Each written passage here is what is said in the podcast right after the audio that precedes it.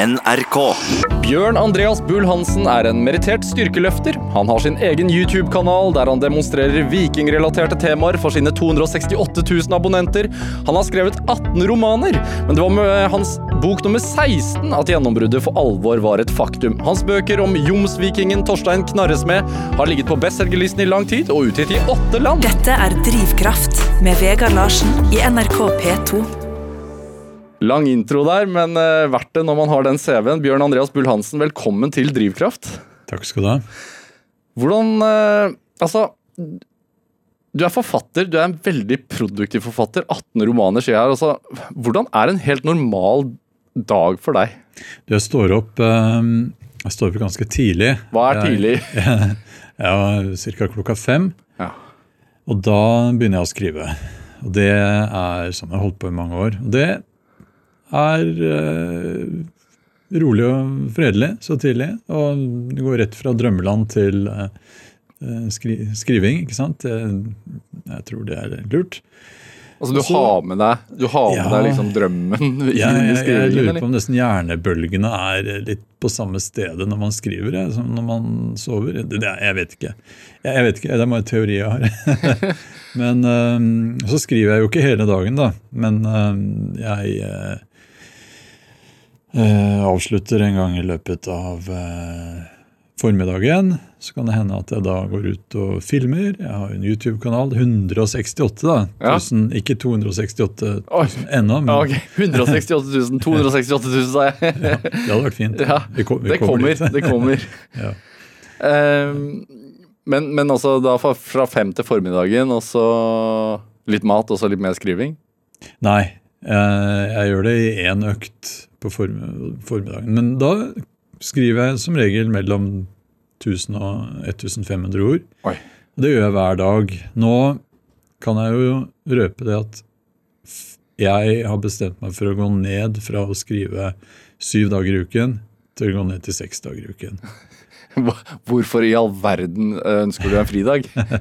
Nei, si det. Um, nei, jeg, jeg, jeg, jeg tror det er lurt uh, å gjøre det. Å ha en fridag. Er du en eh, selvkritisk forfatter? Og så sitter du og Ja, ja. Ja, men Sitter du sånn og, og tenker over hvert ord? Eller altså, når det er 1000 ord hver dag, så tenker jeg at det nesten renner ut av deg. Men Nei, ja, jeg skriver veldig lett. Jeg skriver veldig raskt og veldig lett. Men når jeg kommer til redigeringsfasen og alle de omgangene der, da er det en selvkritikk der som egentlig er litt sånn grenseløs. Så forlaget mitt må da sette grenser for meg. For ellers så kunne jeg holdt på i årevis. ja, ok. Hva, hva kan det gå i? Ja, dette er, altså, Nå høres jeg ut som jeg er spik spenna gæren, men det kan, det kan gå på eh, formen av et ord, f.eks.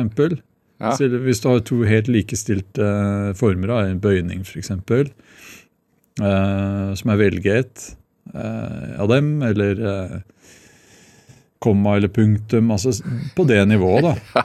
Og det, det kan holde meg våken eh, om natta. Er det sant? Ja, faktisk.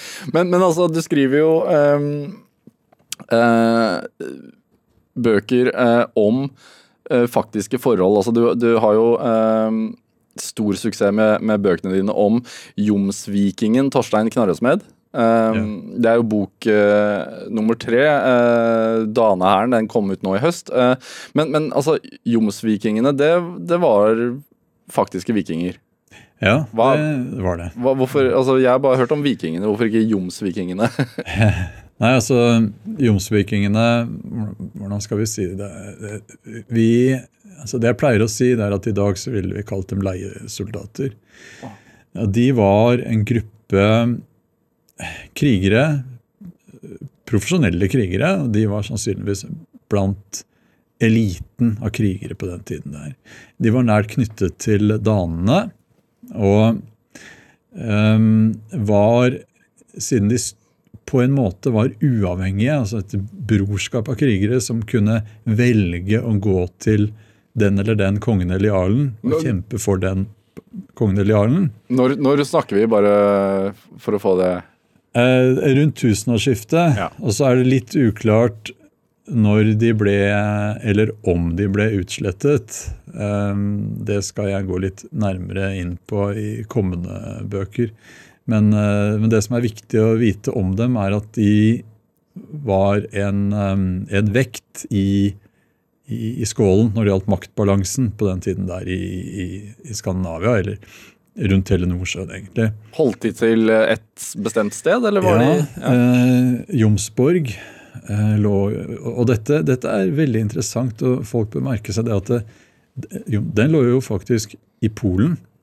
Og vikingenes verden var mye større enn det man ofte ser for seg, fordi man tenker på vikingene det var Norge, Sverige, Danmark. Men det, vikingenes verden var, og deres kulturkrets var veldig stor.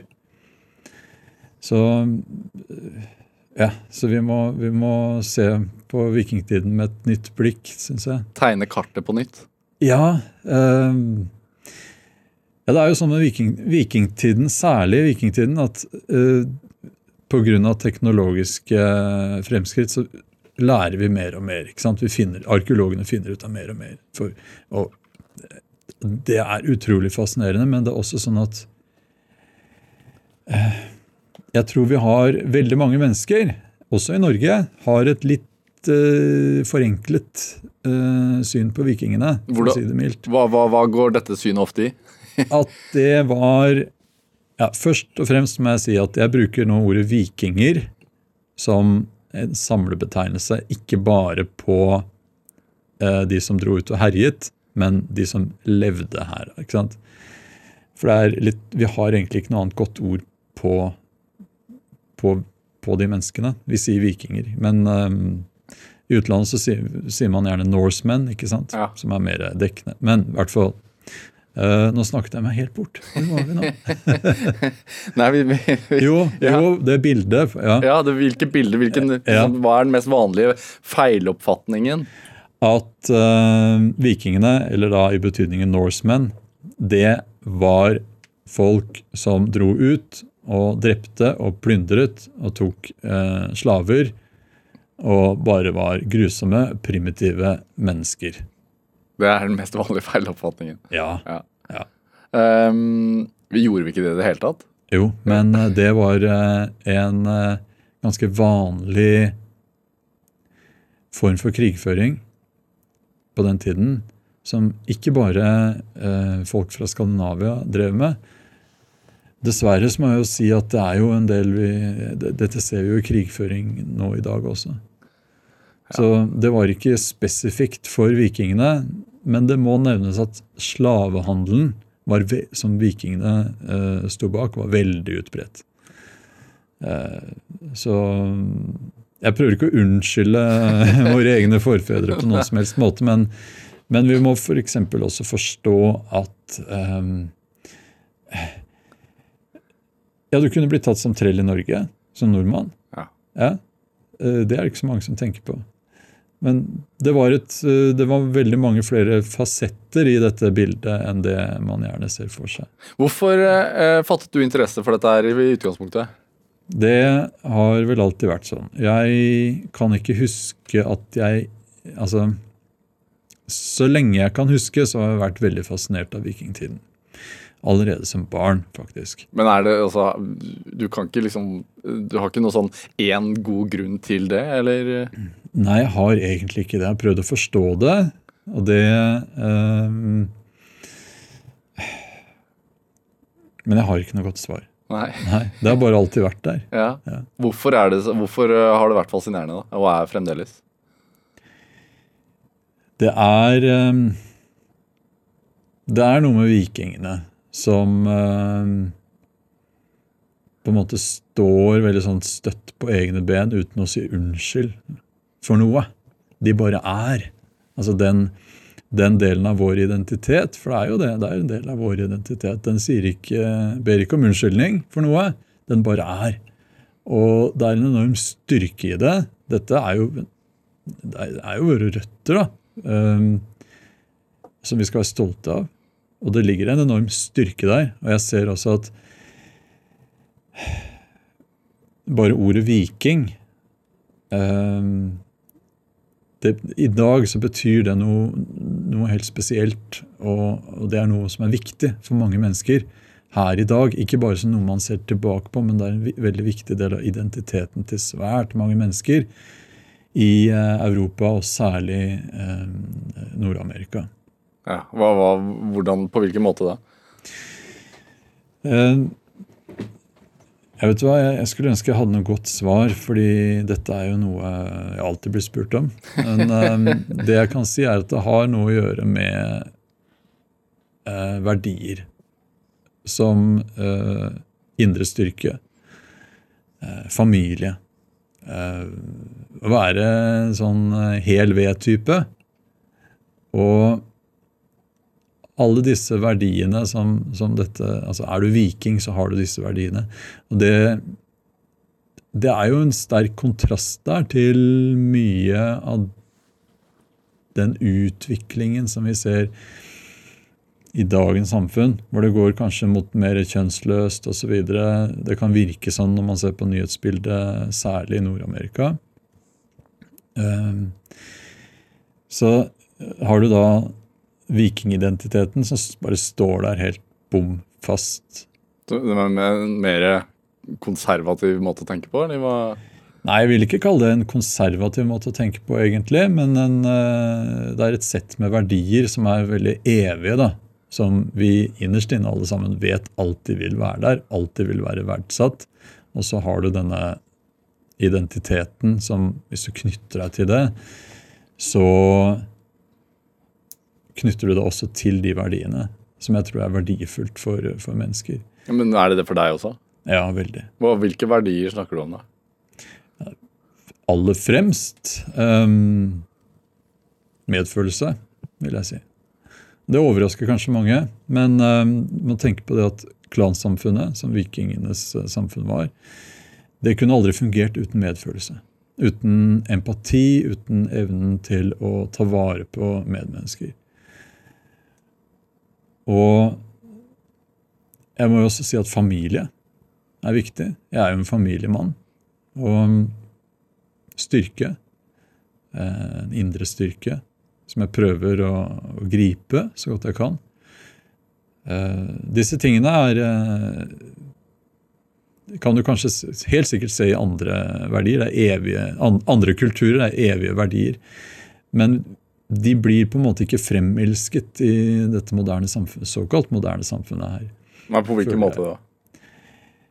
Nei, Du ser jo at uh, uansvarlighet, syns jeg, da, blir mer uh,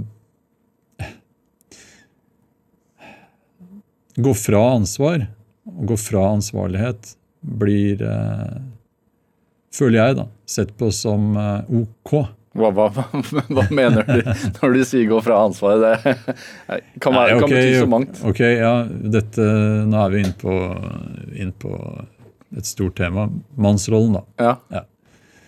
Um, det er veldig mange unge menn, menn, i dag som aldri har lært å være menn.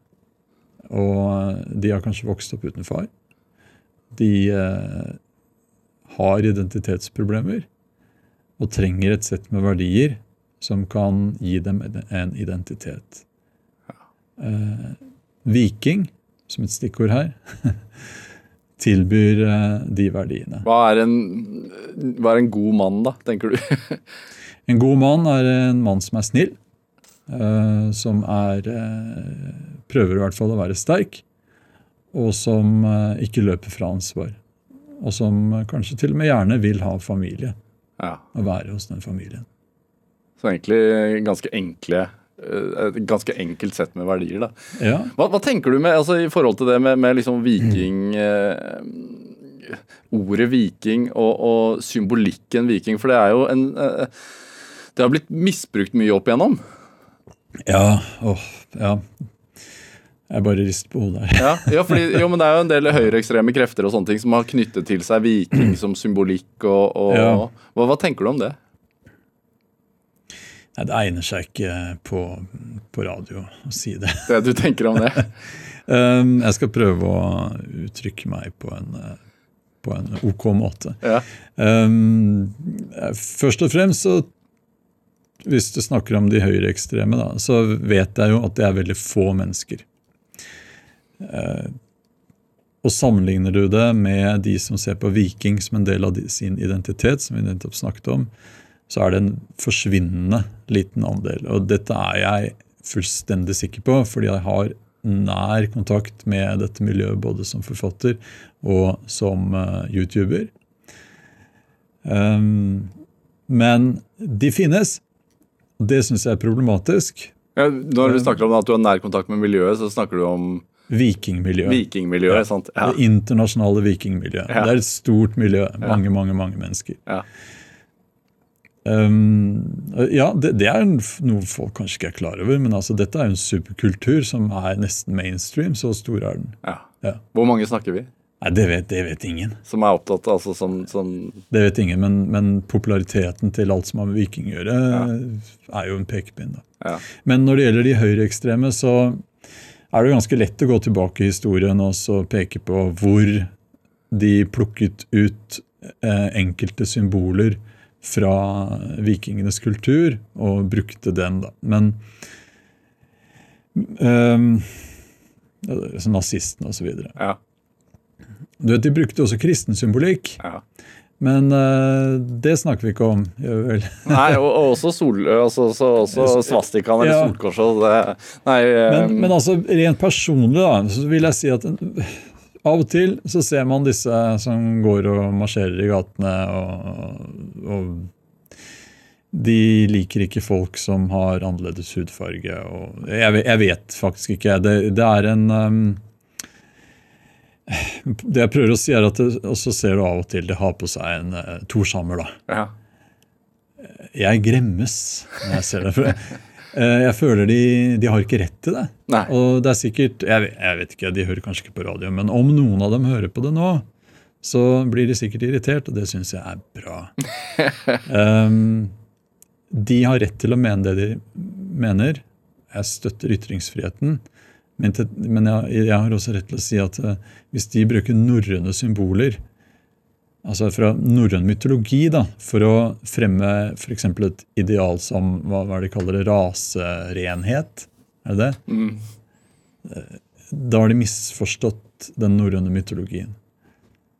Thor selv var jo blandingsrase, ikke sant? hva, hva var han blanding av? Nei, Han var jo Åse og Jotne, ikke sant? Ja. ja. Så det er selvmotsigende hele veien.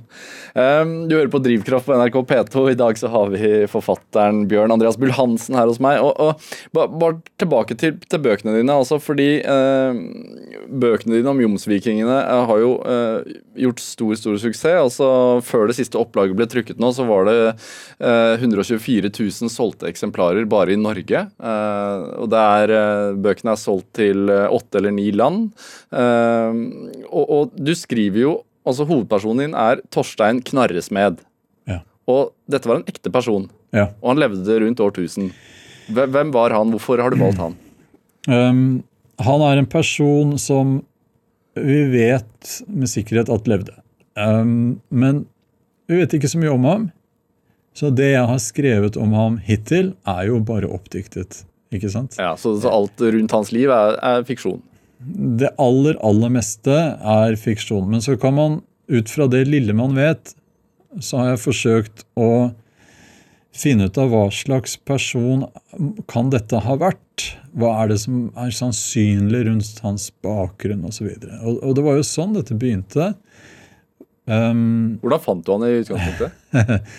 han, um, han er jo en av de som, som kjempet mot uh, Olav den hellige. da. Og jeg har, etter å ha sett på Lest jo vikingtidens historie i, i mange år, så er jo ikke jeg noen tilhenger av eh, dette regimet som det jeg kaller kristenkongene forsøkte å innføre. Det er jeg ikke. Og jeg heier ikke på dem. Eh, men de som kjempet mot dem, det var forskjellige grunner til at de gjorde det, men, men en av grunnene, en viktig grunn var at eh, de ble tyrannisert. Og de mistet eh, selvråderett. Jeg synes den kampen de førte, den er det noe heroisk ved. Og så rimer det så dårlig da, at vi i historiebøkene og sånn, så, så blir disse kristenkongene fremstilt, syns jeg, fortsatt som heltene. Og liksom de, ja, de kom med et eh, moderne samfunn osv. Mens de andre blir fremstilt som sånne, sånne lurvete banditter og primitive mennesker. Og det, det var ikke, det For å sette det litt på spissen. Ja, Men du mener at det ikke var sånn? Dette Nei, selvsagt var det ikke det er sånn. historieforfalskning, sånn du ser det? Ja, nå satte jeg det litt på spissen her, men, eh, men i hvert fall på skolen husker jeg veldig godt at da ble det fremstilt sånn. Ja. Nå er jo det noen år siden, men eh, jeg vet ikke hvordan det er nå på skolene. Men eh, jeg håper det er bedre. Men eh, det er klart at det var ikke sort-hvitt. Og jeg synes jo at det var på tide å fortelle denne historien rundt de siste tiårene av vikingtiden, hvor vi gikk fra den, jeg kaller den gamle tiden, til nytiden. Det var et enormt dramatisk skifte i samfunnsstruktur og kultur på mange måter, hvor Altså, jeg ønsker å skildre dette sånn som det må ha blitt, kan ha blitt, opplevd av de som sto midt oppi det. Vanlige du- folk. Ja, hvordan tror du vanlige folk opplevde det? Dramatisk og um, truende. Ja. På hvilken måte da? på den måten at det de kjente, det de var vant med, ble enten forbudt, eh, brent, eh, ødelagt, truet eh, av folk som eh, ofte ikke hadde egentlig eh, noe som kom fra utlandet, rett og slett. Med utenlandske midler for å ta Norge. Altså, ikke alltid, men Tenk bare på en som, eh, som Olav Tryggvason. Han eh, Jeg ser ikke på han som nordmann i det hele tatt. jeg. Hvorfor ikke det? Nei, Han kom til Norge som utlending. Han, han ble jo født uh, i Norge, da. Men uh, måtte jo flykte som uh, bitte, bitte liten. Og kom tilbake da først etter å ha holdt på som sjørøver egentlig, i mange år. Og plyndrer i England. Kom ble betalt med sies fire langskip fylt med sølv av Ethelred, kongen i England, for å kristne og ta Norge. um, så det var en del av storpolitikken. ikke sant? Så kom, Han var utlending i praksis. Kom til Norge for å ta eh, Norge. Kjøp, kjøpe seg inn i makten i Norge, på en måte. Ja, en ting, altså Siden, siden det er juletider nå, Ja, eh, og jeg tenker Det er interessant. Ja, ikke sant? Og jeg tenker sånn eh, Det har vært en debatt rundt jul nå, også kristen høytid og, og sånne ting. Men, men vikingene feiret jo også jul. Ja, julen øh, har vært en kristen høytid en stund, den. Ja. Men den har ikke alltid vært det. Hvordan feiret vikingene jul? Ehm, er det veldig mange barn som hører på? det var nok mye fyll. Ja, Um, nei, de feiret den vel og lenge. det Nei, altså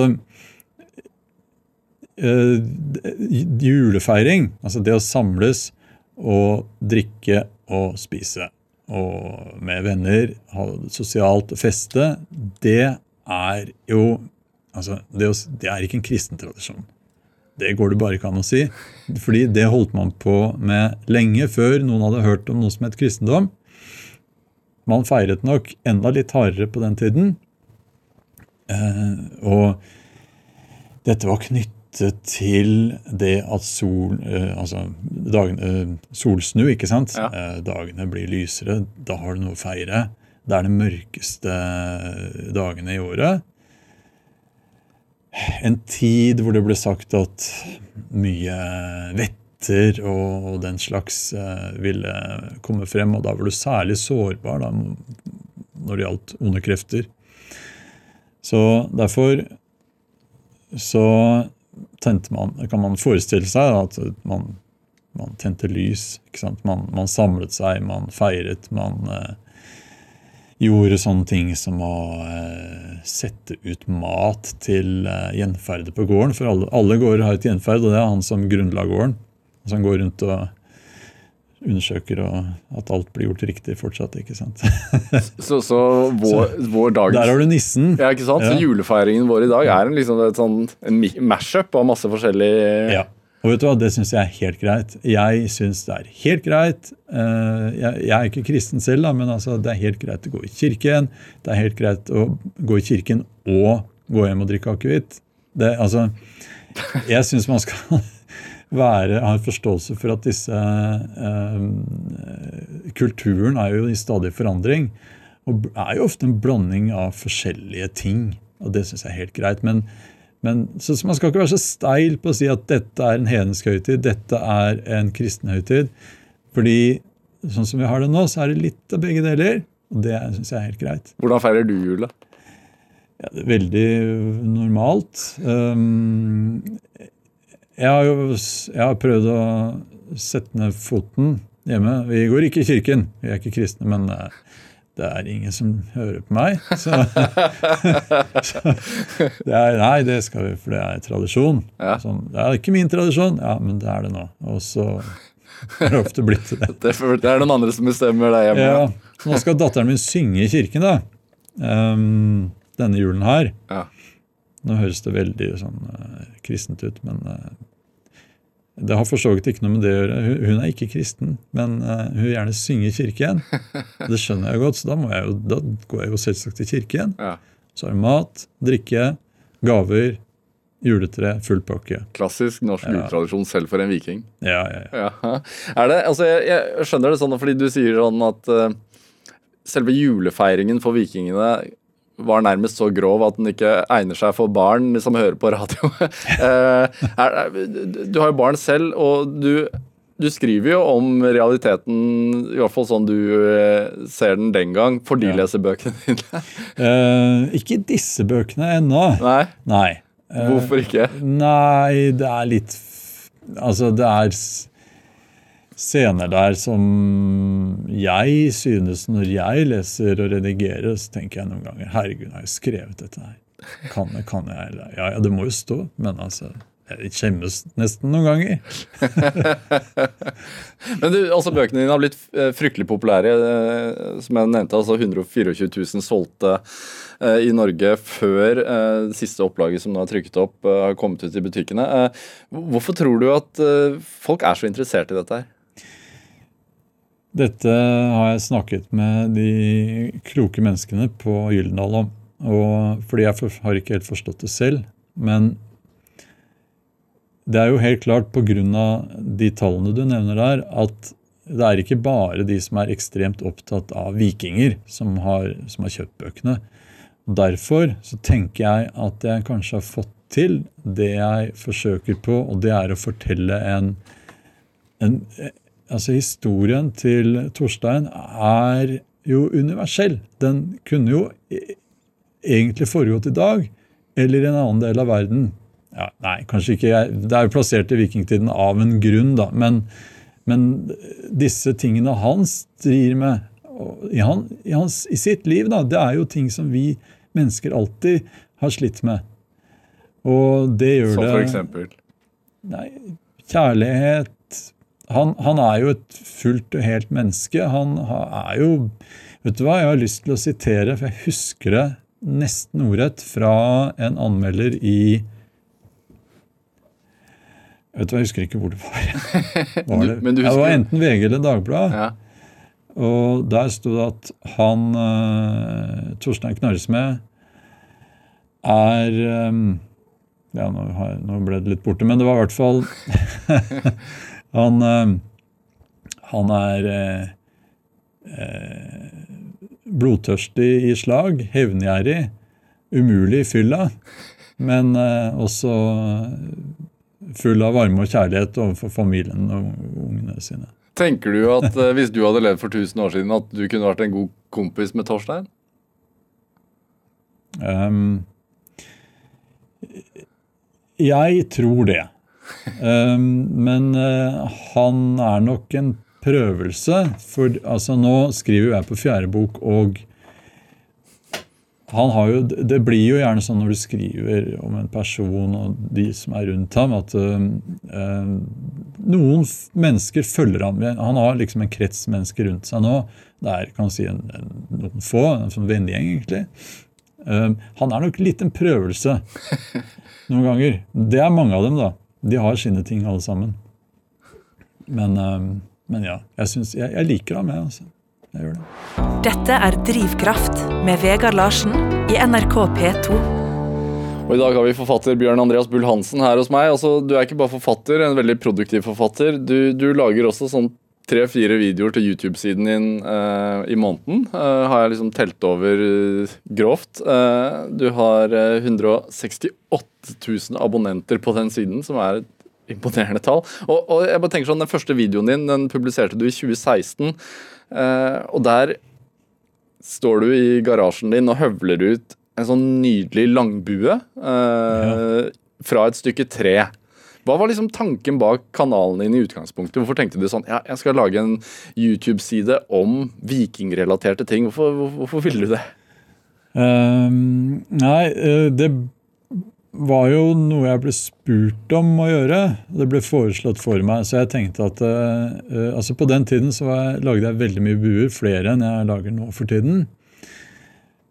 Så jeg tenkte jeg skulle lage i hvert fall en bue på YouTube. Hvem var det som spurte om det? Eh, nei, det husker jeg ikke akkurat nå, men eh, det var flere som spurte om, om disse tingene. Og jeg drev jo med bueskyting mer aktivt på den tiden enn jeg gjør nå. Så jeg lagde den videoen, og så syntes jeg det var såpass artig rett og slett, at jeg begynte å lage flere. Eh, Så ble det mer sånn som en hobby. Jeg lager én video i uka nå.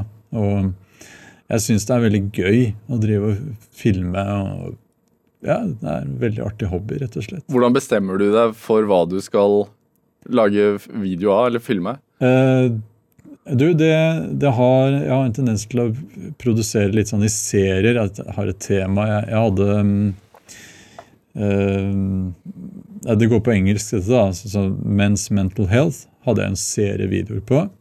Fordi det var litt oppe i nyhetene også. Og, og jeg eh, ville ta tak i en del av, den problematikken. Så jeg har hatt en serie på um, Nei, ikke egentlig en serie i, produsert i, i påfølgende uker, men jeg, har, jeg bygger opp en slags dokumentasjon, filmatisk dokumentasjon av ting jeg lager, håndverk, som gjelder vikingtiden. da. Um, pluss klær, mat, forskjellige steder jeg besøker som har med ja, vikingtidsfunn og sånne ting å gjøre. Ja, for, fordi du, du lager jo mat på eh, vikingvis, i hvert fall så langt vi vet hvordan de, lager maten sin. Du bruker verktøy som, som de Ja, jeg angivelig steker bacon med øks. Steker bacon med øks, ja. um, og, og, og jeg vet jo også at du tidvis er opptatt av å, å, å gjøre ting som på den måten vikingene gjorde. Uh, du, har gått med brynje, vet jeg, bare for å vite hvordan det føles. Ja. Uh, hvordan føles det å gå med brynje? Det, veldig, det føles veldig riktig. Første par timene. Ja, ok. Og så ble det ganske tungt. Ja. Det, det, det, dette var en uh, gjeng uh, seige jævler, kan jeg si det? Jeg sa det. Altså. Ja, for det er tungt. Ja, um, det, det blir tungt etter hvert. Um, så du, hvis du har gått med det altså Brynjer var ikke veldig vanlige. Uh, alle gikk ikke med brynjer, men det er tungt å gå med brynje Ja. uh, en hel dag. Det Men- kan jeg si. Men er det, er det en del av researchen din, dette Ja. her? Ja. For å kunne skrive om det på en mest troverdig måte? Ja, jeg gjør så mye jeg kan av det hovedpersonen gjør. Eh, nå har vi Norges lover da, som hindrer en del av det han gjør. Må bruke fantasien på enkelte Ja, men jeg har jo også da testet ut effekten av en daneøks i, og dokumentert det i, uh, i en video. Hva er en daneøks? Det er en Se for deg en øks uh, som har et skaft som rekker deg opp til midt på brystet. Og så har du et ganske solid økseblad på toppen. Uh, en stor øks. Og jeg testet ut effekten av den. Hovedpersonen har en daneøks. Han bruker en daneøks, han har trent til å bruke den. Og det var et veldig fryktet våpen, med god grunn, på den tiden der. Og jeg kjøpte inn da et, eh, en hode, en, et hode av ikke ekte. eh, Sånn som politiet bruker når de skal teste skudd og den typen ting. Jaha, Ballistisk hode heter det. ok. Surret dette fast da i, på, til en stubbe og testet ut effekten. Så Ok, hvordan Hva? Jeg bare lurer, Det høres fryktelig grotesk ut. Hva, hva, hva farte gjennom ditt eget hode da du drev med det? Nei, da jeg var jo bare opptatt av eh, Jeg var glad ingen kom og så på, da. Ja. Men uh, bare opptatt av å, å, å teste ut de tingene jeg skulle teste ut. Så det var jo veldig fagmessig. Uh, Men uh, jeg ble faktisk sjokkert av effekten. Jeg hadde ikke trodd at det skulle være så nærmest tegneserieaktig. Altså Jeg måtte forandre på skildringer av, av, i boken, da, den jeg skrev på da. Etter det Effekten er helt grusom. Ja. Hvis man ser på film at de bare vipper hoder av folk, så gjorde de det. ja. Huff a meg. Ja, meg. Men det er viktig for deg at detaljene stemmer. ja det er jo det. Og dette er jo en litt sær detalj, Ja. men likevel, også det må jeg undersøke. Det er like viktig å undersøke det som hvordan eh, en eh, ihjelkokt eh, bygggrynsgryte smaker. Ja, For det eksempel. tester du også. Ja. Ja. Uh, eller hvordan de tenner ild da, under forskjellige forhold. Alle disse tingene har jeg jo forsøkt å finne ut av.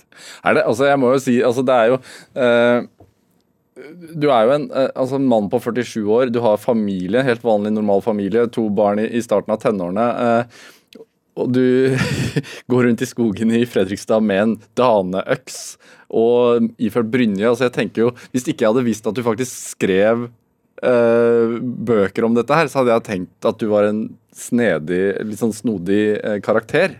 Ja, er det- det, det tror jeg de tror. Ja, Ja. For, det, for det, er, det må jo være en oppfatning som du møter på noen ganger?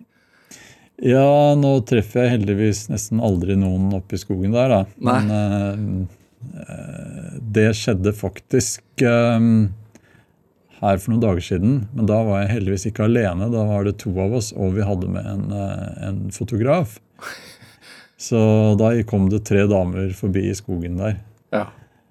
Og mm, de ble litt- sjokkert først, og så syntes de det var veldig artig. Da måtte det tas bilder og Ja, for hva, hvorfor, hvorfor øh, måpte de i utgangspunktet? Altså Var dere kledd som vikinger? Ja, vi var jo det. Ja. Og han, eh, han ene som var med meg da, hadde jo på seg full brynje og hjelm under armen og alt mulig.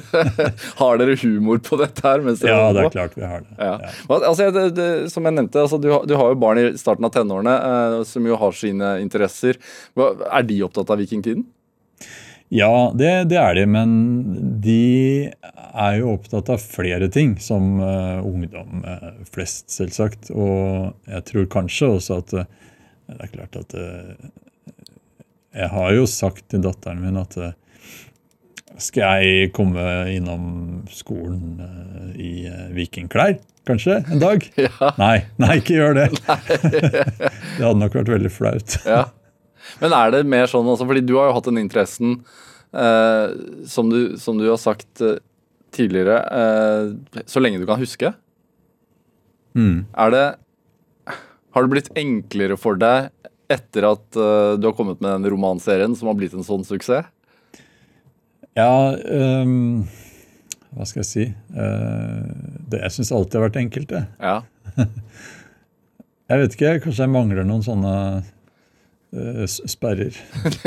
Jo, men jeg bare tenker er, Skulle du egentlig ønske at du levde på den tida? Eh, det er jo et veldig interessant spørsmål. Ja. Eh, og jeg eh, Her og nå, i dag, så må jeg si nei. Fordi at jeg fikk eh, faktisk eh, for en, et par år siden noe som heter nyrebekkenbetennelse. Ja. Det visste jeg ikke hva var, men jeg fikk plutselig høy feber. Og det kan man få veldig brått og fort, visstnok. Så da eh, kan man dø. Eh, Da er det eh, ikke helt sikkert, men det er høy sjanse for at man kan dø ikke sant? Og uten hvis man ikke får antibiotika. Så, så det ville vært litt falskt av meg å si at jeg skulle ønske jeg levde på den tiden, for da kunne det hende at jeg hadde vært død. Ja. Ja. Gjennomsnitts levealder var vel ikke noe mer enn 30 år heller? nesten, så... Du, Det kan jeg ikke si ja eller nei til. Det vet vi ikke. Vi vet om noen som ble veldig gamle. Eh, men så kan man kanskje tippe da, at de levde et litt mer beskyttet liv enn den jevne bonde og trell. Kanskje. Ja.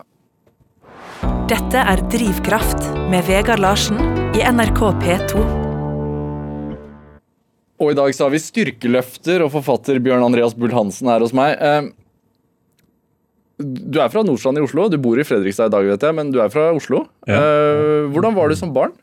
Altså Bortsett fra at du var interessert i vikinger, som vi har vært innom. Eh, Jeg hadde en ganske Jeg var mye alene som barn, vil jeg si. Hvorfor, hvorfor tror du at du var det? Det var vel sånn som man ikke det, Man ville nok ikke akseptert det i, på skoler og sånt i dag. Nå er man mer våken for sånt. Ja. Men, eh, men det, det var jeg. Så øh, jeg var veldig opptatt av natur. Være ute i naturen. Og like mye, vil jeg si, som øh, vikingtiden. Kanskje mer, egentlig. Jeg har tilbrakt veldig mye tid ute i naturen som barn, og det gjør jeg jo fortsatt. Men Men, men fant, fant du da altså Fordi det er jo det er jo dessverre sånn at det er jo en del, del barn eh, som kan føle på den ensomheten. Men Ja. fant, du eh, en slags trygghet da, å være ute i skauen under Ja. skog og mark? ja. Ja. Er det eh, ha, altså, Du er jo interessert i historie, du er interessert i litteratur. Eh, Kommer det hjemmefra, tror du? Ja, det, det er klart at øh, jeg tok det jo som en selvfølge at det var at det bare er masse bøker hjemme. Ja. Men det er det jo faktisk ikke i alle hjem, øh, har jeg forstått. Eh, Det burde det være. Men, men øh, det var jo alltid nye bøker å lese. Eh, Så det, var, det, det er klart det, det, det har vært positivt, det. Hva, hva drev moren og faren din med da, da du vokste opp? Eh, moren min var uh, vel uh, Hun jobbet vel deltid, men var hjemmeværende noen år. Faren min jobbet i reklamebransjen. Ja. Så det er ikke noen litterater der som har liksom påvirket skrivingen? Nei. Nei, det, det, vil jeg ikke si, bortsett fra at vi hadde masse bøker hjemme. Det husker jeg. Du, du begynte jo tidlig med en relativt uvanlig idrett, nemlig styrkeløft. Ja. Hva, når var det du oppdaget det? Eh, det å løfte tungt oppdaget jeg allerede da jeg var 13 år, faktisk. Ja. Um, da begynte jeg å trene med vekter. Det var litt tidlig, kanskje, men jeg eh, begynte å konkurrere da jeg var 18 eller 19. Er det, er det en, også et resultat av å føle seg, hvis man har følt seg litt utenfor, at da skal man i hvert fall bli sterk? Ja, det var det sikkert. Og så var jeg alltid veldig dårlig i idrett. Dårlig til å løpe. Kunne ikke sparke ball, kunne ikke kaste ball. Alle sånne ting. Jeg var dårlig i alt sånt. Så det var godt å finne noe hvor jeg kunne utmerke meg, da. Det, det var bra. Og, da, og, da, og, og, du ble jo Du ble jo god, da. Du ble jo Ja, det gikk ganske bra. Ja, eh, Du har NM-gull som junior, eller? Ja. Ja. Og hva- var det var det en mestring i det å løfte, eller hva, hva, hva er liksom drivkraften? Er det å løfte tyngre og tyngre, eller hva? Ja, det er det jo. Ja, Det ja. er det jo. Så er det jo en veldig nærmest akademisk eh, ting. Fordi du på et visst, Når du kommer opp til et visst nivå, så er det jo metodikken og vitenskapen bak det som avgjør om du kommer videre. Og da tenker jeg på kosthold utvikling av treningsprogram. Så det er jo veldig interessant. Et veldig interessant fag. Og så er det jo en veldig ærlig sport. Um, Så fremt man ikke har med folk som jukser. Da. Det, dessverre, som i alle idretter, så er det folk som doper seg i, styrkeløft. og eh, Jeg har sikkert konkurrert mot mange jeg som har dopet seg, men, men i utgangspunktet så er det en ærlig sport i det at eh, løfte, det er en vekt på stanga. Den kan du løfte eller ikke. Altså, jeg, det var jo mange ganger hvor jeg Siste øvelsen er jo i styrkeløft, det er markløft. Og da kan du be om, fordi det er sammenlagten i tre forskjellige øvelser som teller, da kunne jeg spørre om hva trenger jeg for å vinne på den stanga. Gi meg det. Og så klarer du det eller ikke. Ikke sant? Det er, det er ganske enkelt. Det er veldig enkelt og veldig ærlig. Ja. Det, den, det, det, liker jeg fortsatt veldig godt med styrkeløft. Jeg, jeg vet at du fremdeles løfter en del? Ja, jeg gjør det. Jeg er i en periode nå med en del skader, men uh... men, men, hvorfor var det sånn at uh, at det var skrivingen som overtok, og at styrkeløftkarrieren ble lagt litt på hold? Nei, de to tingene har ikke egentlig påvirket hverandre før eh, Jomsviking, første boken i Jomsviking-serien kom ut. Men da da da Jomsviken kom ut, så skjedde veldig mye veldig raskt. Og eh, det har tatt veldig mye fokus. Og jeg ønsker jo det. altså Jeg er veldig glad for det. Men nå vil det nok være problematisk å vie like mye tid som jeg gjorde før, da, til trening. Ja. Fordi jeg har bøker i mange land, og jeg eh, må følge opp eh, ting jeg er her nå. Eh, jeg har ting nesten hver dag frem til julaften. og ja. ja. Jeg, men jeg skjønner det sånn at du også ble utsatt for en ulykke når du nesten var på topp? I, ja, som junior, ja, det gjorde jeg. Men jeg, jeg kom meg tilbake. Ja. Var jo med i um, 2012 i uh, det de kalte World Cup, uh, men som i praksis vil jeg si var et VM. Første VM i uh, utstyrsfri løfting. For de som, driver, de som, driver, med styrkeløft, vet hva jeg snakker om. Ja, men jeg vet ikke. Hva Fortell. Det Utstyrsfri løfting, det er når du ikke løfter med disse draktene som gir deg ekstra kilo, fordi de pakker ledd og slikt så tett sammen. Wow. Eh, så og det er jo en mer populær eh, gren eh, nå enn utstyrsløfting, som man kaller det. Du, eh, hører på Drivkraft på NRK P2. Vi har forfatter Bjørn Andreas Bull Hansen her, som har stor suksess med, med, bøkene sine om eh, jomsviking, jomsvikingene. Og, og, og, og, du fortalte meg at, at det fins At viking eh, er en, en stor subkultur. Og, og du, du, har en YouTube-side med, med, 168 000 følgere som du jo publiserer på engelsk. og Hvordan Altså, er det en subkultur der dere kommuniserer om vikingrelaterte ting, eller er, altså, er du involvert i, i denne subkulturen på en annen måte enn at du skriver om det? Ja, altså på sosiale medier eh, i den grad jeg kan. Ja. Fordi jeg får jo en video som jeg legger ut, kan jo få flere tusen eh, kommentarer. Sånn Hva er det folk kommenterer, da?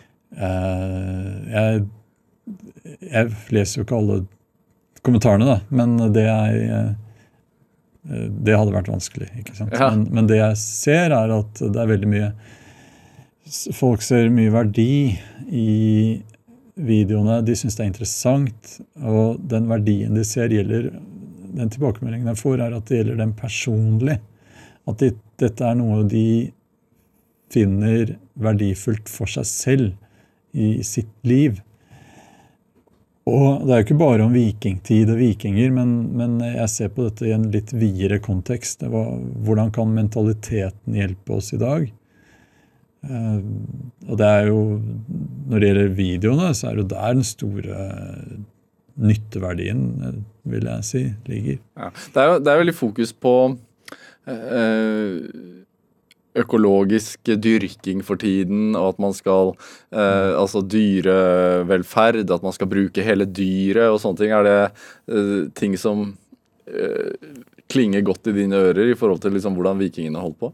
Ja, det er det. Og det, nå, nå skal ikke jeg sitte her og si at vikingene de var miljøbevisste. Altså, det ville vil åpenbart vært feil, det var ikke et begrep på den tiden. Men,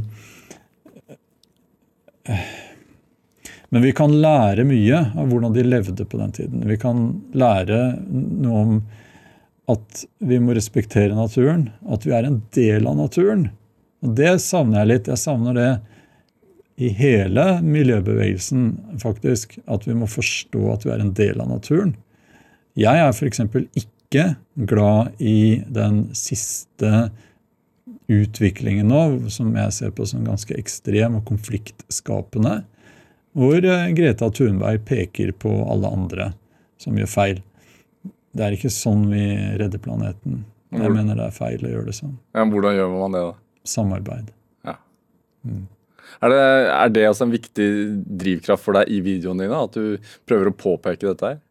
Ja. Jeg eh, eh, Altså, det er jo ikke Det er ett av temaene jeg har tatt opp. Ja. Eh, jeg er jo veldig opptatt av at vi skal ta vare på det vi har. Og så ser jeg jo at debatten gjerne går på, og dette vil jeg gjerne si, debatten går på en, så På den ene siden så, nei, er det folk som sier menneskene skaper miljøforandringer og global oppvarming. Og så er det de andre som sier at eh, nei, menneskene gjør ikke det. Eh, begge tar jo åpenbart feil, fordi at eh, det er jo graden vi bidrar til, som vi snakker om her. Så kunne man bruke språket på en litt annen måte, være litt mer presis i hvordan man snakker om dette, så tror jeg vi også hadde fått mindre konflikter. Og så er det noe med føre-var-prinsippet. Hvis, hvis, vi ikke vet hvordan vi påvirker klimaet, så bør vi kanskje være litt ekstra forsiktige, da. Det vet man vel i dag? Hva? Det vet man vel i dag, hvordan vi påvirker klimaet? Ja, Ikke nøyaktig. Vi vet ikke nøyaktig. ikke sant? Og Det er der konfliktens kjerne ligger. Så hvis man kan være litt mer ærlig på dette her, og si at ok, vi vet ikke alt, men vi må være varsomme. Så derfor så kan vi bare anta at vi kanskje påvirker klimaet litt mer enn det mange tror. Nå snakker jeg internasjonalt her, ikke sant? Ja. Istedenfor å stå steilt på hver sin front, fordi da tror jeg at man ikke skaper samarbeid. Jeg tror man skaper eh, konflikter, og at det blir eh, verre. Ja, men Forskningen viser vel det at den industrielle revolusjonen har ført til en sånn voldsom akselerasjon i, i, i klimaforandringer. Da, så, at vi har en relativt stor påvirkningskraft, uh, det vet man vel ganske sikkert. Det jeg prøver å si her, Nå innser jeg det at jeg, jeg eh, snart blir lynsjet her for, for å si ting som ikke er lov å si. Um, nå må jeg ikke misforstås her. Jeg sier bare at uh, vi må være presise. Altså fremt Så lenge vi ikke kan si eksakt hvor mye, så vil det være rom for konflikt. Derfor må vi være presise i hvordan vi uttrykker oss. Det opplever jeg at folk i liten grad er. Og da får vi konflikter. Ja. Du er en mann som liker at ting er presist. Når du sånn som i, i starten på denne timen fortalte at du kunne ligger søvnløs over et komma, et punktum. Nei, noe, nei, akkurat det har ikke noe med det å gjøre. Det er mye mye viktigere, selvfølgelig, ja. Eh, klimaet vårt. Så altså Vi kjørte elbil hit i dag. Ja. Ja. Ikke fordi jeg tror at det redder planeten, men det er litt positivt. Det kan bidra lite grann. Så det er på en måte en positiv ting man kan gjøre. Mm. Og det er noe jeg sier, og det er noe jeg mener. Men du vet at det er veldig mange mennesker som står på den andre siden og skriker at det bare er tull. Og de sier det fordi at de som prøver å beskytte miljøet, de er ikke presise. Og de sier forskerne mener. Ja, du vet at Den andre siden de kan trekke frem en helt kobbel med forskere som mener noe annet. ja. Ja. ja. Så det er en enighet som må til, og en samtale rundt bordet, rett og slett. Eh, Bjørn Andreas Bull Hansen, jeg, vet jo at du uh, er i ferd med å skrive bok nummer fire i, serien din uh, om jomsvikingene. og Jeg bare lurer på sånn og du, Med denne YouTube-kanalen din, altså, hva, vil du si er, er drivkraften din? Um, jeg har skrevet i mange år. Og jeg vet ikke egentlig om noe annet enn å skrive. Sånn at det blir en del av det jeg bare gjør. Jeg, vet ikke hvordan det vil være. Hvordan er det å være en voksen person uten å skrive? Det vet jeg ikke. For jeg har i praksis skrevet hver eneste dag siden jeg var ferdig på videregående.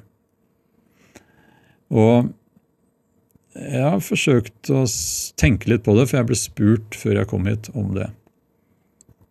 Og jeg tror at jeg er eh, motivert av å bevare eh, og minnes det som var, og de har mistet, og det som eh, ikke blir snakket om lenger.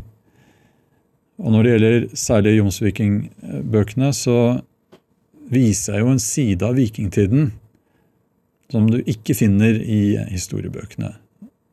Fordi at historien skrives av seierherrene, ikke sant? Mm. Jeg forsøker å se ting her fra den andre siden, og det, når det gjelder Jomsviking-bøkene, så er det en viktig drivkraft.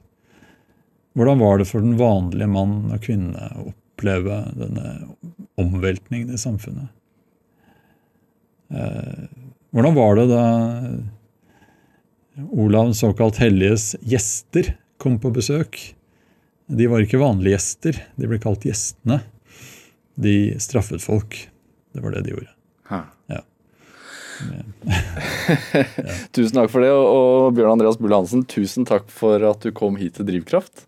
Det var denne timen. Det var det vi rakk i dag. Eh, nå blir det straks nyhetslunsj her på P2, men eh, før det så får du Dagsnytt. Produsent i dag var Fride Næss Nonstad. Jeg heter Vegard Larsen, og dette var Drivkraft.